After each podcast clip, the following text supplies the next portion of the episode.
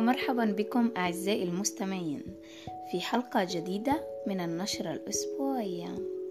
بهاي الحلقة رح نتحدث عن الحب. يوم الأحد الماضي كان يوم الحب أو ما يعرف بيوم الفالنتاين.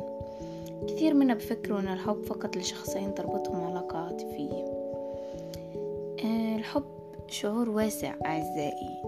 لا يقتصر على شخصين تربطهم علاقة عاطفية رح أسألك سؤال عزيزي أو عزيزتي المستمع أو المستمعة متى آخر مرة سمحتم لأنفسكم أن تعيشوا مشاعركم بالكامل؟ متى آخر مرة تعاملتم مع مشاعركم؟ خذوا وقت فكروا الإجابة لكم. السؤال التالي لإلي. شو معنى الحب؟ كثير أفكار وإجابات بتخطر على البال. كإجابة لهذا السؤال ولكن الحب شعور واسع وشامل. ملوش معنى محدد بالكلمات أو تعريف عام ينطبق على جميع البشرية.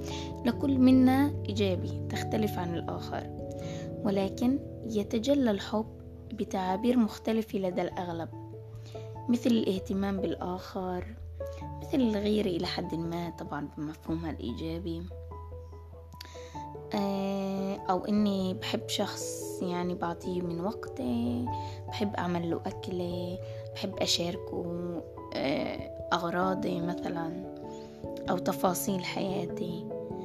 آه، بحبه بغسل له ملابسه أو بحن عليه أو بحب أسافر معه أو أشرب فنجان القهوة برفقته أو نشرب مع بعض كوباية ميرامية وغيرها كثير يختلف من شخص لشخص. تعابير عن حبه للآخر.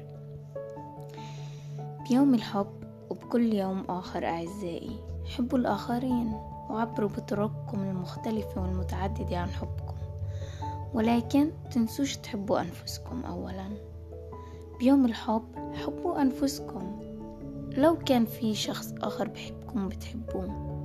عبروا عن الحب وعبروا لأنفسكم عن الحب. تذكروا أن المشاعر اللي بتحسوها تجاه أنفسكم تظهر للآخرين. فإذا كنت تحب نفسك ببين إنك بتحب نفسك وبتصير الناس كمان تحبك والعكس صحيح. اسمحوا لأنفسكم تتعاملوا مع مشاعركم وأحاسيسكم. تعاملوا مع الحب فمردوده إيجابي. عيشوا مشاعركم وعيشوا الحب.